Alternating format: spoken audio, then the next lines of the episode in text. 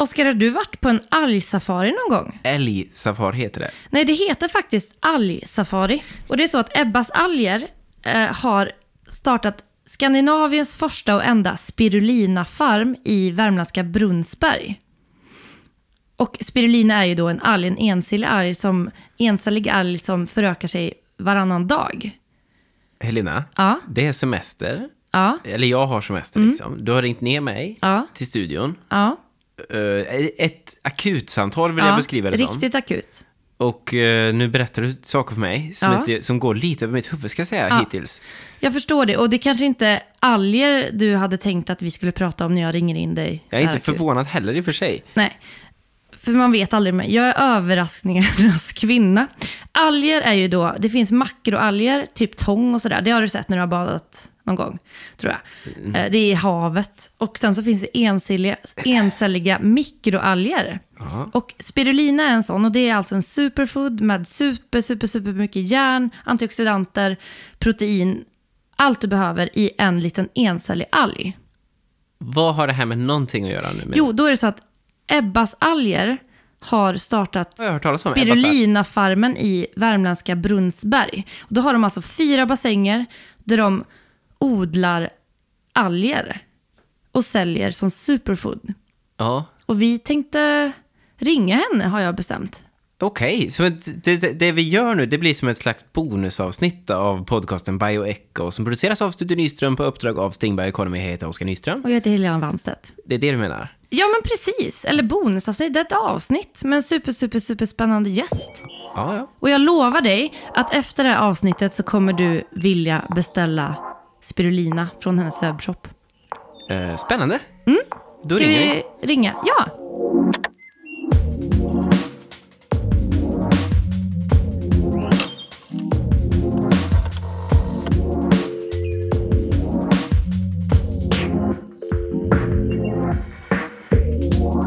Där har vi med oss Ebba Olsson i, säger man Brunnsberg eller Brunsberg, Ebba? Ja, jag själv är ju inte härifrån. Jag är ju som ni hör skåning. Så att jag, jag, jag uttalar det säkert fel, men jag brukar säga Brunnsberg. Ja, då, men då kör vi, då bestämmer vi det nu. Brunnsberg. Eh, och där finns nämligen Ebbas alger då. Eh, det är värmländska alger, fast kanske ändå inte riktigt. Vi ska djupdyka i, i det. Och det är Skandinaviens första och enda algfarm. Eh, välkommen till podden, Ebba. Hej! Tack så hemskt mycket. Jätteroligt att vara med på den här intervjun. Du, ska vi börja i liksom vem, vem du är och sådär? Presentera dig lite för våra lyssnare. Eh, Jag heter Ebba Olsson och eh, jag startade företaget Ebbas alger 2016. Och eh, vi odlar livsmedelsalgen spirulina. Och vi är ju väl egentligen inte den enda algfarmen i Skandinavien, men vi är i alla fall den enda farmen som odlar eh, just algen spirulina. Ah, okej. Mm. Finns det, det finns fler, det förstår man ju också. Men jag, kan, jag är inte algexpert ska jag säga, så du ska få hjälpa oss i vad är det som liksom... eh, vad som är speciellt med spirulina och sådär. Vad, vad, vad, vad gjorde att du kom och hamnade här i Värmland? Eh, ja, om man ska göra en kort historia riktigt lång så började egentligen redan år 2000 när jag blev antagen till eh, marinbiologutbildning i, på Lunds universitet. Eh, och jag intresserade mig väldigt mycket för akvakultur, eller som vi kallar det också vattenbruk eh, i Sverige. I kombination med att jag har ett väldigt stort matintresse, både, både att producera och odla livsmedel men också att laga mat och framförallt att äta mat så började jag fundera på hur kan jag kombinera mina kunskaper inom marin biologi och, och vattenbruk med någon form av eh, livsmedelsproduktion. Mm. Har du matlagningsbakgrund också? Eh, Nej, nej, bara ett stort intresse, privat intresse. Ja, just det. Men åt du mycket spirulina innan? Jag provade spirulina, eh, absolut. Men givetvis var det ju importerad spirulina eh, på den tiden och, och fastnade väl inte på det viset då. Det var väl ungefär 20 år sedan. Kanske lite beroende på att smaken på den importerade spirulinan var inte särskilt eh, angenäm. Okej. Mm. Och egentligen redan när jag tog min examen 2006 eh, som marinbiolog så eh, drev jag ett pilotprojekt eh, på Fiji eh, i Stilla havet. Mm. och jag var kanske lite ung och jag var väldigt oerfaren givetvis som, som företagare. och jag, min idé var att jag skulle odla den här tropiska langusten. En, man kan säga att det är som en hummer men den har inga klor. Och det är ett eh, fantastiskt livsmedel, väldigt, eh, väldigt smakligt. Så jag var där nere ett tag och försökte dra igång det här företaget. Eh, men som jag sa, jag var väldigt oerfaren och kanske något naiv hur man, hur man driver ett företag. Och mm. insåg ju ganska snart att det här att, att starta ett företag i ett helt annat land med en helt annan kultur var egentligen det största eh, problemet för mig då. Mm. Men du, hur gammal var du då, då när du hamnade nere på Fiji-öarna och skulle oh. odla en speciell... Hummer utan klor. Exakt. Jag var väl 25 då, tror jag. Ja, det är annorlunda än när jag var till exempel var 25. Ja, vi vill inte ens veta vad du gjorde då, Oskar. Ja. Så att jag, jag fick åka hem igen och, och eh, la liksom mina vattenbruksidéer på is ehm, och eh, utbildade mig till miljö och hälsoskyddsinspektör och tog jobb som miljöinspektör och sen även har jag jobbat inom Försvarsmakten med miljöfrågor. Eh, men de här drömmarna om vattenbruk och, och producera någonting i vatten eh, har aldrig försvunnit utan bredvid mina jobb så studerade jag på fritiden eh, olika typer av, av eh, arter som man, man, producerar i vatten. Jag frångick väl till slut den här idén om att det skulle vara någon slags lyxdelikatess. Ni vet pilgrimsmusslor och hummer och allt sånt här.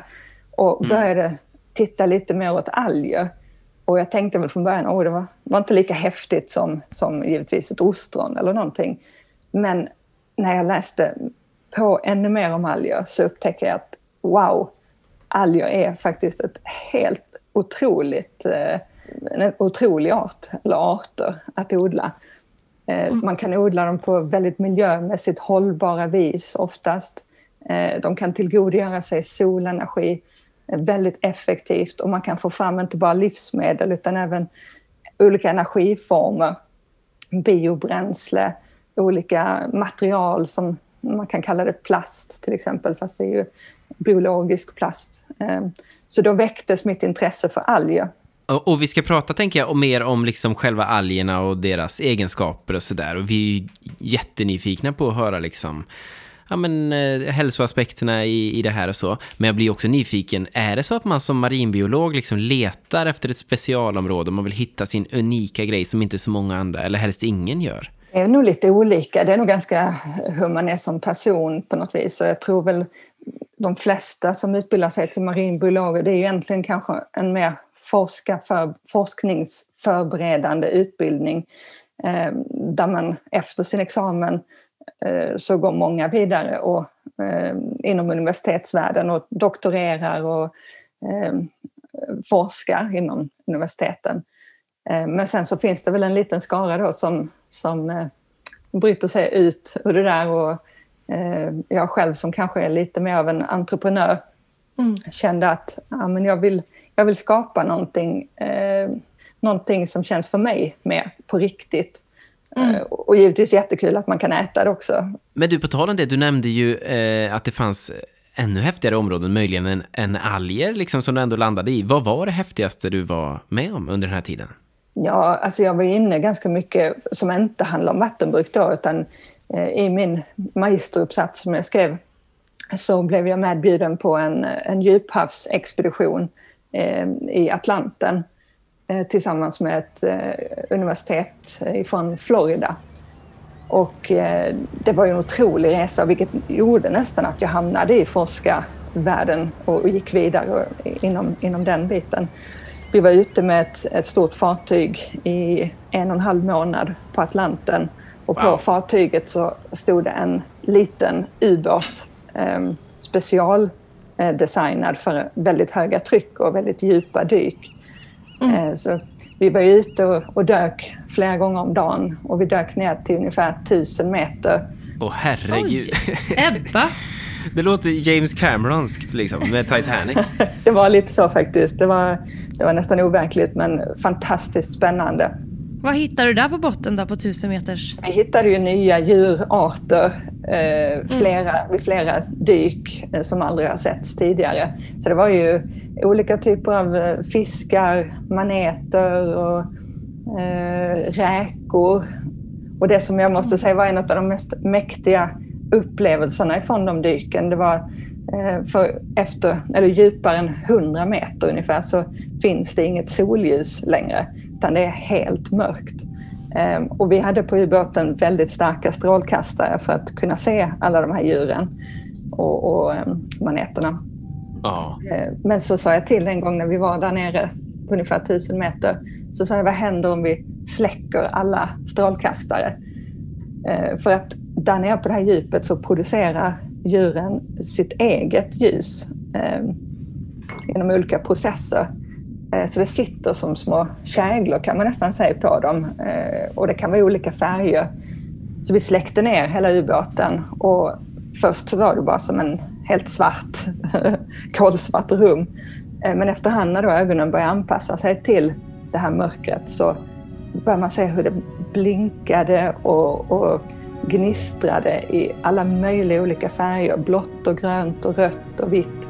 Som en fantastisk stjärnhimmel Eh, med alla de här olika ljusen. Då. Det var faktiskt en magisk upplevelse.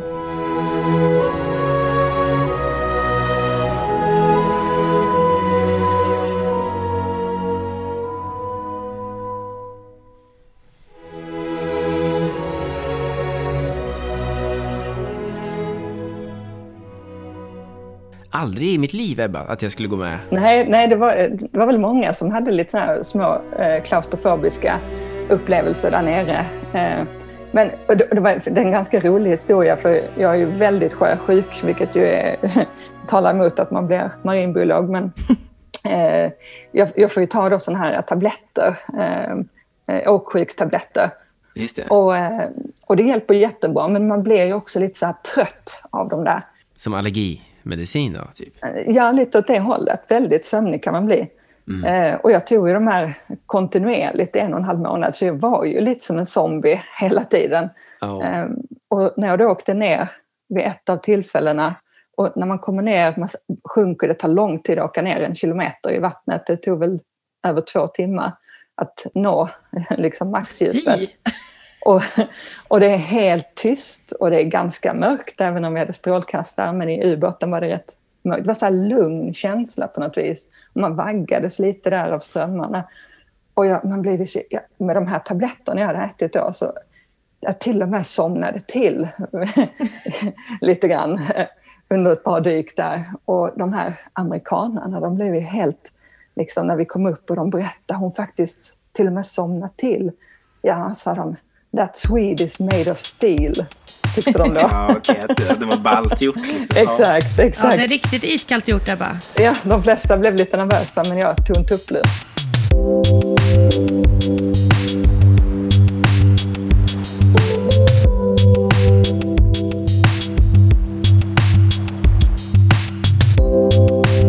Nu har vi tagit oss upp på land igen, Ebba. Vad händer sen? Fram till Brunnsberg och en algfarm? Det är jag nyfiken på. Jo, efter min djuphavsexpedition och utbildning och jobb som miljöinspektör och eh, eh miljösamordnare i Försvarsmakten så hade jag aldrig den här drömmen om att, att producera eh, livsmedel i vatten. Den hade aldrig försvunnit. Utan jag, jag studerade på fritiden och Eh, vad är det jag kan odla för någonting som, som jag kan starta företag i Sverige? Mm. Eh, för jag blev något skrämd av den här upplevelsen på Fiji. Så drömmen försvann aldrig. När jag då började intressera mig och, och titta mer på odling av alger så förstod jag att alger är det här alltså fantastiska art eller arterna som man kan producera miljömässigt hållbart ofta de kan användas inom så himla många olika områden, både som livsmedel och andra ty typer av produkter um, som användas som material eller biobränsle. Mm. Ja. och till sist så började jag läsa om spirulina. Och när jag insåg att spirulina är världens näringsrikaste livsmedel och den kan odlas miljömässigt hållbart så tänkte jag wow, går det här att producera i Sverige?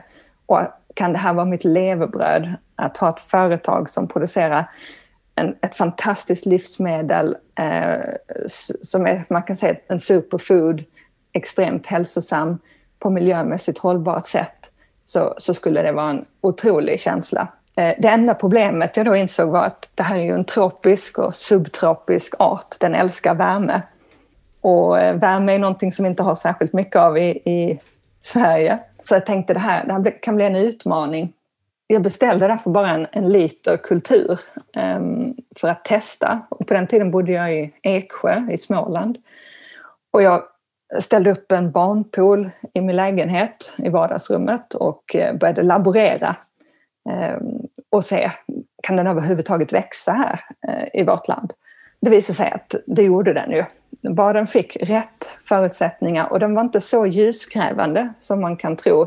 Den var mer beroende av att få värme. Eh, och det fick den ju i, i rumstemperaturen inne hos mig och, och, det växte så mycket så att eh, det nästan bubblade över mina barnpooler och jag hade akvarier.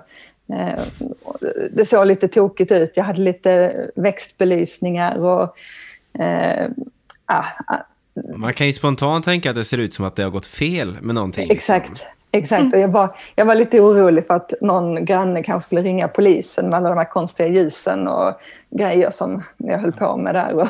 Man ser framför sig blå belysning typ?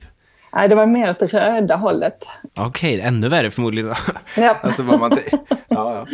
Så att, men, men det gick ju bra och då, eh, då tänkte jag att ja, men det här, nu, nu måste jag våga satsa lite och jag började leta efter ett, en, en, ett växthus eller en växthusanläggning och då, jag bodde som sagt i Småland då och jag tittade efter växthus egentligen i hela södra Sverige. Så jag mm. var runt i Örebro, jag var ända ner i Skåne och, men hittade inget som var sådär eh, optimalt förrän jag kom till Värmland, till Brunsbergs forskningsstation. För det första den magiska naturen i Värmland gjorde att jag blev förälskad i platsen direkt. Eh, mm. Brunsbergsälven som rinner förbi Eh, precis utanför anläggningen. Mm. Mm. Samtidigt som vi hade eh, optimala växthus, lagom stora. Där fanns eh, all, alla möjliga livsmedelshygienkrav var uppfyllda. Och en lagom prislapp för, för mig då, vi är ett litet familjebolag som jag kände att jo, men det, här, det här kan vi klara av eh, och starta igång. Och vi började faktiskt med en provperiod där jag hyrde ett par av växthusen av den tidigare ägaren. Så byggde vi om och vi har byggt, vi gjort allting själva i familjen. Ehm, mm. Och snickrat ihop bassänger istället för hydroponiska odlingar som fanns förr.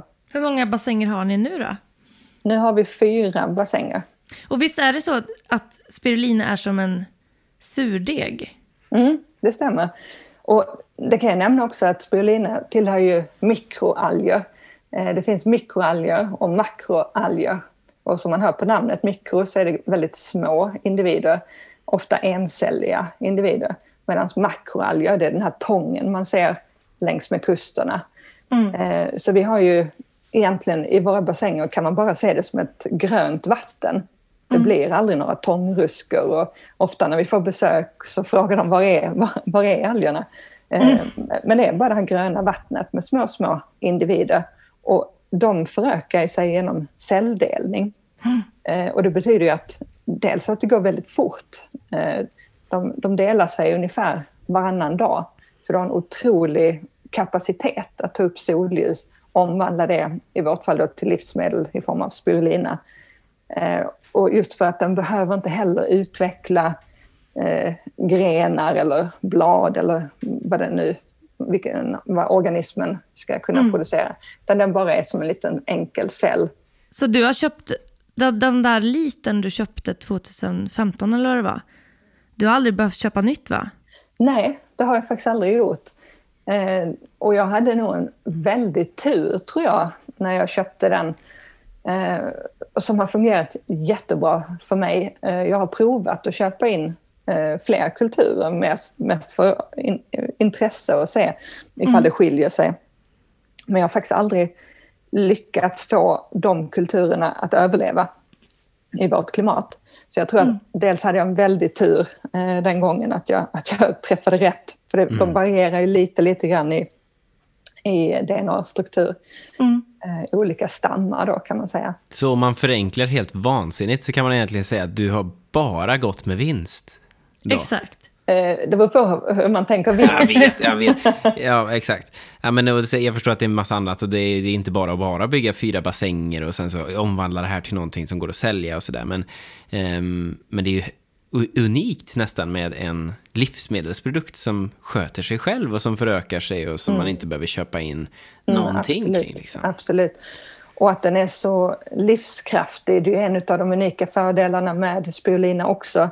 Ehm, det gör att man kan odla den på väldigt enkla sätt och ändå få en, en ren produkt för att man skapar ett, ett, eh, en omgivning för den eh, som är Eh, väldigt fientlig mot andra organismer. Och det gör vi genom att vi, vi har ju ganska mycket, jag brukar säga bakpulver, egentligen är det natriumbikarbonat. Eh, och det gör att vi höjer upp pH-värdet väldigt högt i vattnet och detta gör att andra organismer får väldigt svårt att överleva. Eh, medan spirulinan är väldigt livskraftig och stark i sig själv och faktiskt tycker om den här miljön.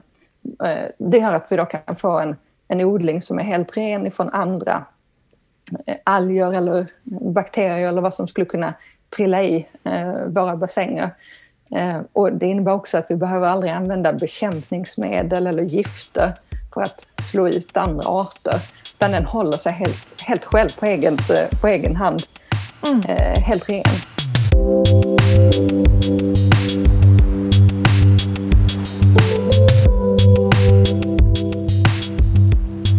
Ebba Olsson på Ebbas alger. Du eh, kallade spirulina för världens näringsrikaste livsmedel. Vad, eh, vad innebär det då liksom? Om man, ja, gud vad näringsrikt tänker man, men vad, in, vad innehåller det här liksom? Och vad innebär det för mig om jag konsumerar det dagligen? Mm. Eller hur ofta ska jag konsumera det dagligen? Ja, absolut. Eh, det allra bästa är om man kan äta det här varje dag för att berika sin kost med mineraler, vitaminer, bra former av protein. Och det är ganska högt innehåll av protein så det, det kan vara bra för veganer också. Ja, just det. Men det är också... folk som tränar. Absolut, vi har många, både elitidrottare men också fritidsmotionärer som, som äter det framförallt på grund av protein. Mm. Mm. Och eh, man kan väl jämföra, att få en, få en idé om vad man menar med att ett livsmedel är näringsrikt, så innehåller spirulinan 300 procent mer protein än kött, 670 procent mer protein än tofu och 3000 procent mer betakaroten än morötter. Oj. Och till och med 5000 procent mer järn än i spenat. Så att det är de, när man får höra det så lite... Järn som är så svårt att få i sig också. Exakt. Och det är ett väldigt biotillgängligt järn dessutom. Lätt för kroppen att ta upp. Det här får vi okay. prata om sen Ebba. Jag känner som att jag behöver... Kan man ordna en prenumerationstjänst? Absolut. Men Ebba, hur gjorde du för att omvandla algerna till en säljbar produkt? Liksom? Vad, hur tog du reda på vad folk vill köpa? Och fanns det någon manual där liksom man kan använda sig av? Fanns det något gängse praxis så att säga? Ja, och det man kan säga är att spirulina har ju ätits, egentligen har det ätits i flera tusen år, men i Sverige har det ätits eh, under lång tid. Eh, man kunnat köpa det på hälsokostbutiker och då kommer det i form av ett pulver. Eh, och som jag sa tidigare när ni frågade mig om jag har ätit spirulina tidigare i mitt liv eh, mm. så har jag provat det här pulvret som oftast är från Kina importerat.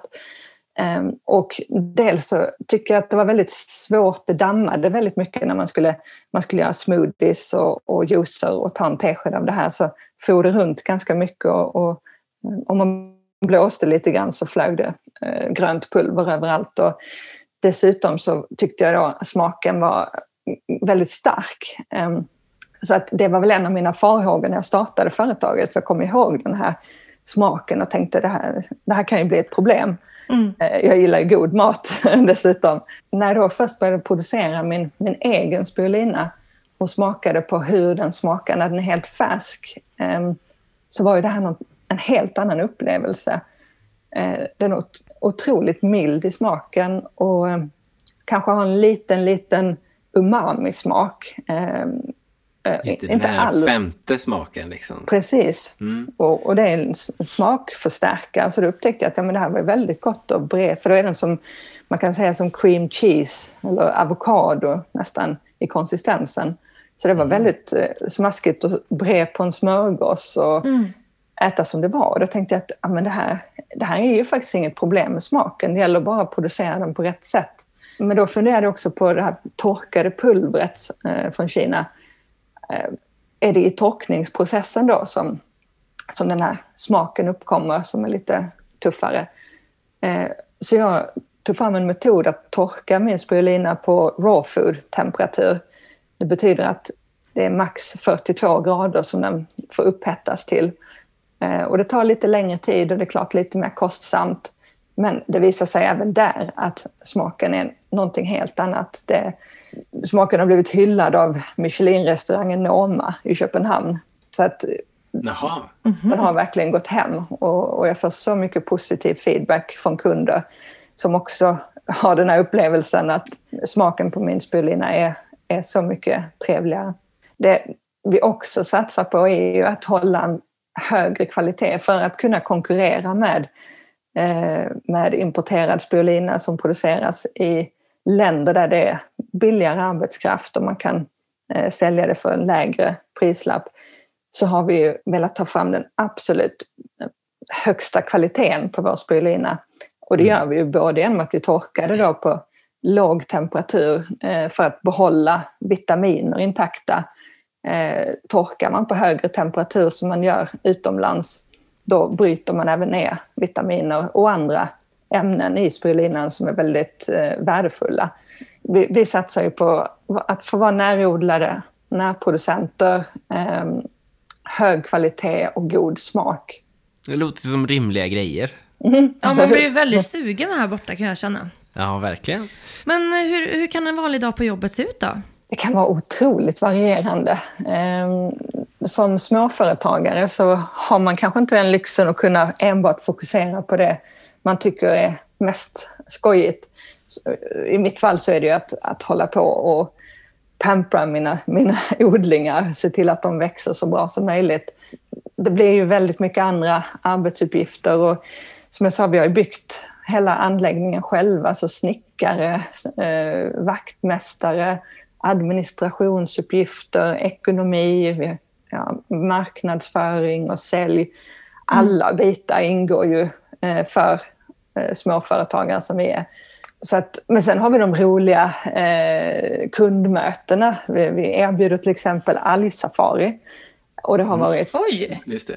Ja, vi kallar det lite skojfriskt för det och hoppas att, att våra kunder inte tror att de kommer på älgsafari. Då blir de kanske besvikna. Ehm, men vi har hållit algsafari nu i tre år, tror jag det är, tre säsonger. Och bjuder in alltifrån företag som vill ha en kick-off eller det kan vara föreningar.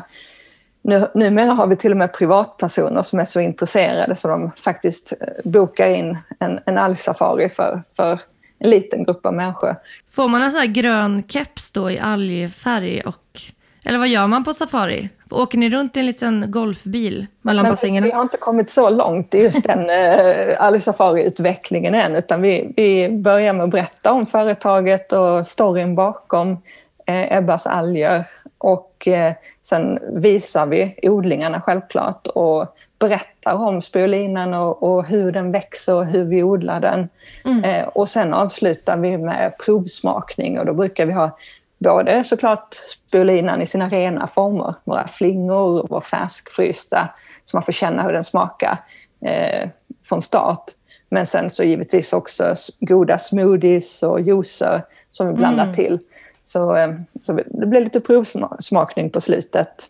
Och givetvis så kan man handla i vår gårdsbutik om man vill det. Det. Vad, vad, men vad, vad får man vara med om? Alltså, vad får man se, så att säga, förutom själva smaken och sådär?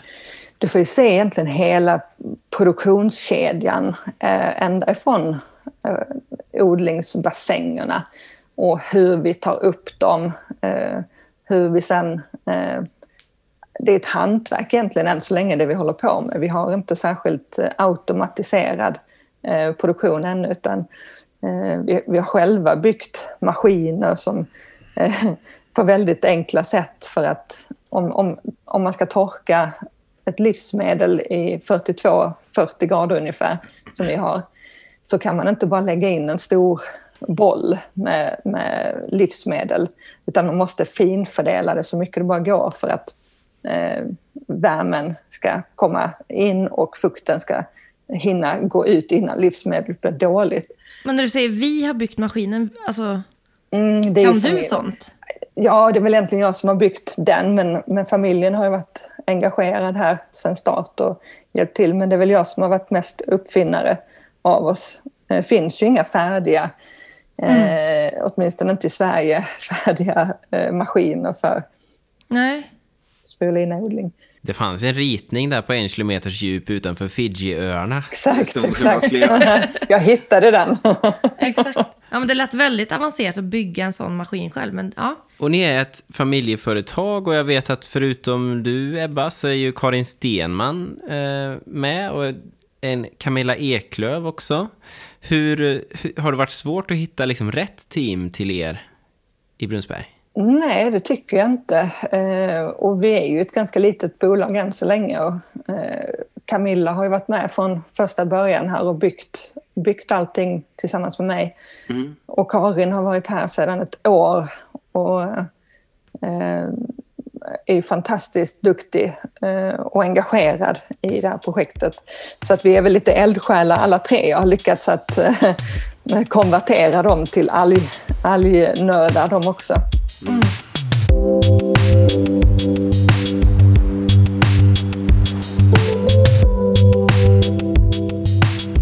alger är ju en subtropisk växt, Ebba. Hur kan dina alger anpassa sig till den svenska vintern? Egentligen har vi ingen produktion på vinterhalvåret. För spirulina behöver ju som sagt värme och det blir allt för kostsamt än så länge att, att eh, ge dem så pass mycket värme så att vi kan hålla igång produktionen hela året. Eh, men de mår inte direkt dåligt av kyla heller. Så under vintern så ser jag bara till att de inte fryser, att vattnet inte fryser. Utan de ligger, som man kan säga, i dvala under några månader. Och sen när solen och värmen kommer tillbaka någon gång i mars brukar de sätta fart igen och värmas upp och då bara fortsätter de att växa som om ingenting har hänt. Man kan ju tänka det att eftersom det är en väldigt liten organism som förökar sig väldigt fort så har jag ju väldigt, väldigt många generationer i min produktion. Och eh, då har, ju, som man säger, den starkaste överlevt. Mm. De som inte riktigt har klarat av den här långa vinterdvalan som jag utsatt dem för.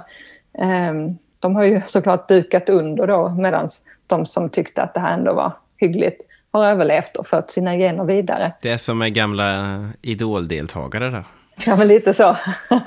Framåt vårkanten där. Då undrar vi, var är Ebbas alger i en perfekt värld om fem år? Säg att du får dra igång för fullt nu, det öppnas restauranger igen i höst och sådär. Vad vill du ska hända? Vi är ju i ett jättespännande skede just nu ehm, där vi eh, har börjat eh, bli kontaktade av, allt fler eh, investerare som vill vara med på vår resa. Ehm, och vi tänker oss att framåt hösten så ska vi förhoppningsvis eh, har gjort en nyemission och tagit in partners eh, för att eh, växa företaget eh, till, eller till, till en helt annan nivå. Och exakt hur det kommer att se ut, det beror också lite på vilken partner eh, vi, vi eh, går ihop med. Det, det kan bli att vi börjar producera egna juicer också, att vi gör produktförädlingar, eh, tar fram produkter alltså med vår spirulina i. Ah, gärna, säger jag då. Det vore Ja. trevligt. Kul! Kan man göra det annars? Kan jag göra juice av era produkter nu hemma? Absolut, absolut. Okej. Mm. Det är det den egentligen är skapad för att göra nu. Men vi tänkte att ja, men vi kanske ska ta nästa steg också och göra en färdig juice. Och det finns allt möjligt man kan göra. Vi, hemma gör vi ett jättegott flingsalt med eh, våra spirulinaflingor med havssaltflingor eh, som, som vårt bordsalt. För det blir Okej. den här goa, lite umami-smaken man får från Ni, spirulina. ni har ju spirulina på allt, skulle jag Det är gissa. lite så. Det, Och det är också därför ni har sån energi att bygga maskiner på nätterna. exakt. För att ni tar en sked spirulina varje dag. Absolut, det ger väldigt mycket energi. Och Mm. sov, sova när man har eget företag, det, är- det liksom får, får stå tillbaka lite grann. Så då är vi väldigt glada att vi kan boosta oss med Ja, det den förstår jag. energin. Så förädling av olika slag skulle kunna vara en väg framåt. Absolut, ja det tänker vi. Vill du ge ett tips på ett gott liksom, juicerecept? Så här? Jag börjar ju tänka direkt, ska man ha det i apelsinjuice till exempel? Eller har du, vad gör du? Alltså jag är ju så himla, jag vet inte, de, några kallade mig hardcore eh, algbonde. Jag tar ju bara ett glas vatten och eh, har jag en bra dag så kanske några droppar citron i också. eh, men det blir såklart godare om du tar det enklaste tycker jag, då tar man apelsinjuice och så tar en iskub av vår färskfrysta spirulina och bara mixar ihop. Det har man liksom så här. Ja, och du kan givetvis göra den mycket mer exklusiv och exotisk och vi har många kunder som gör, de berättar om eh, olika recept med passionfrukt och mango och blandar i yoghurt och gör riktiga smaskiga mellanmål. Eh, Så att egentligen kan man äta den precis hur som helst. Eh, Vi har haft restauranger som har sprinklat den på kött och fisk och svampretter för att få den här lilla smakförstärkaren då, som umami ger. Mm. Eh, Men vi har också haft glasstillverkare, har fortfarande, som gör lite mer exklusiv glass och de vill få en snygg färg på sin mintchokladglass och då vill de färga den på ett naturligt sätt och använder vår spirulina egentligen för att få fram en, en snygg färg eh, på, på ett naturligt sätt. Du skulle ta fram och sälja en bok egentligen, en receptbok liksom. Ja, ja, men det kanske inte ligger helt långt bort heller. Ja, okej. Ja. Men du kanske sa det Ebba, men vart kan man köpa era produkter idag? Jag vet att man kan köpa det hos er. Mm. Man kan absolut komma hit och hälsa på oss. Eh, men vi har också webbutik. Eh, där kan man ju beställa våra torkade flingor. Och tyvärr kan vi inte skicka eh, den färskfrysta på posten. Eh, Men den kan, man, man kommer kunna köpa den under hösten eller från hösten på ICA Bergvik i eh, Karlstad till exempel. Ah, nice. Mm. Det är Vi- nära oss då liksom. Absolut, det är bara att titta in där. Vi är ju frekvent på olika rekoringar också. Just det. Eh, både i Karlstad och Arvika och vi har varit en del i Örebro också eftersom eh, jag har jobb där också.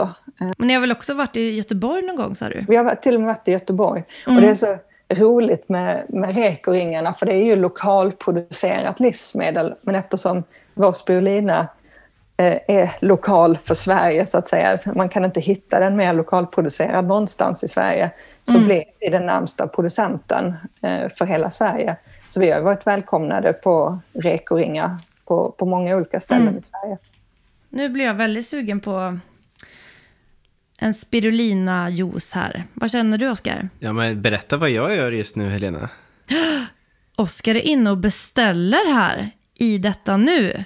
Tackar vi för. Ja, jag fyller i mina kort, Vad blir det Oskar? Blir det torkat eller fryst? kortuppgifter här.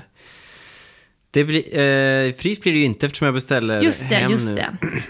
Bra minne Men jag beställer direkt till företaget, det borde ju gå bra va? I och med att vi ändå gör den här intervjun. Känns det så rimligt liksom att jag ska... Absolut, Ja. absolut Ja. Oskar. Man kan säga att du, två, du tre, jobbar tre. när du dricker juicen sen och klipper podden. Ja, du kan behöva energi. Det, ja, det ska bli görspännande faktiskt att se. Till sist Ebba, vad ska du göra i sommar? Får du någon semester som, som småföretagare liksom? Jo, eh, en del semester blev det väl.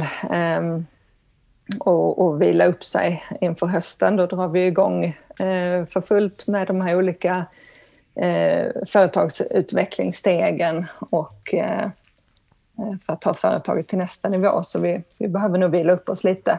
Eh, och jag har som tur att eh, Camilla och Karin håller ställningarna på, på farmen och, och sköter det mesta där så att jag får, får tid att återhämta mig lite grann.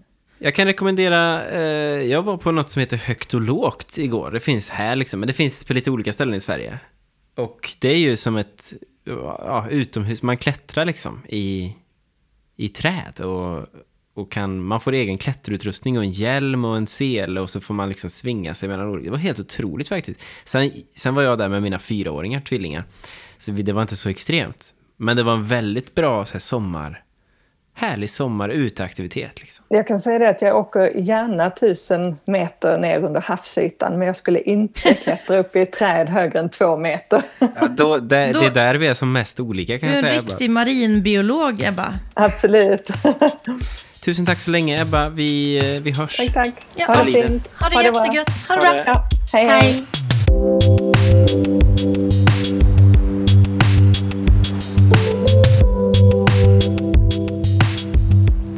Spännande att se hur lång tid det tar innan det kommer. Mm. Visst, erkänn att jag hade rätt i början. Uh, ja, det hade du ju. Du sa att uh, innan det här avsnittet är slut så kommer du köp, vilja köpa, sa du. Mm. Och nu har jag till och med köpt. Exakt. Så, har du köpt? Men jag ska faktiskt idag. Sen, när jag kommer hem? Ja, för just nu så spelar jag faktiskt in en podd. Jag var inte lika flink med fingrarna som du. Eh, man blir väldigt, väldigt sugen på det här. Ja det, ja, det tycker jag verkligen. Och man vill ju inte vara så säljig, liksom att man håller på och säljer eh, när man spelar in en podcast. Från vår sida nu menar jag.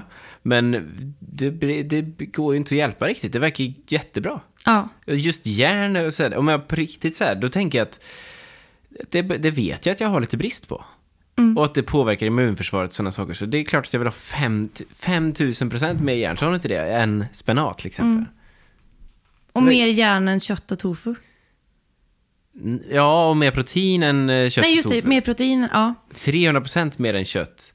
500 och någonting mer än tofu. Och då undrar man, varför äter inte alla det här i sin frukostgröt? Ja, Eller fil? Ja, men det kan inte vi veta. Vi gör väl vad vi kan, tänker jag. Här vi gör vad vi kan och vi, vi kommer ha en toppen sommar tror jag, med Ebbas alger i magen. Ja, och kanske även kanske man, i, i övrigt. Liksom. Kanske du orkar klippa gräset och sånt där. Kul. Ja, det kan inte jag. Jag är gräsallergiker. Just det, just det. Just det. Nej, men Oskar, ska du, har du inga planer i sommar så varför inte åka på en algsafari då? Ta med barnen, sätt på dig en keps. kan inte vi göra det i höst då? Mer när vi har ändå jobb liksom. För i, i, nu i sommar, jag ska ju flytta till hus, jag vet du. Just alltihop, det. Ja, så det är ju fullt upp. Men då, och då blir det den här gräsmatteproblematiken. Till exempel, ja. Men ja. jag försöker se det positivt också. Det finns många ljuspunkter i det här husköpet också. Vad ska du själv göra i sommar? Får du någon semester? Absolut, jag går på semester nästa vecka. Och då blir det mycket bad. Mm. Men då ses väl vi i höst då, Oskar? Ja, men det gör vi och vi hörs i höst, eh, kära lyssnare som lyssnar på BioEcho, en podcast som alltså produceras av Studio Nyström på uppdrag av Sting Bioeconomy. Jag heter Oskar Nyström. Och jag heter Helena Wanset. Och vi tackar dig så länge. Ha en ljuvlig sommar nu. Mm. Njut, njut. Så ses vi. På andra sidan. Ja, Hej absolut. Hej då!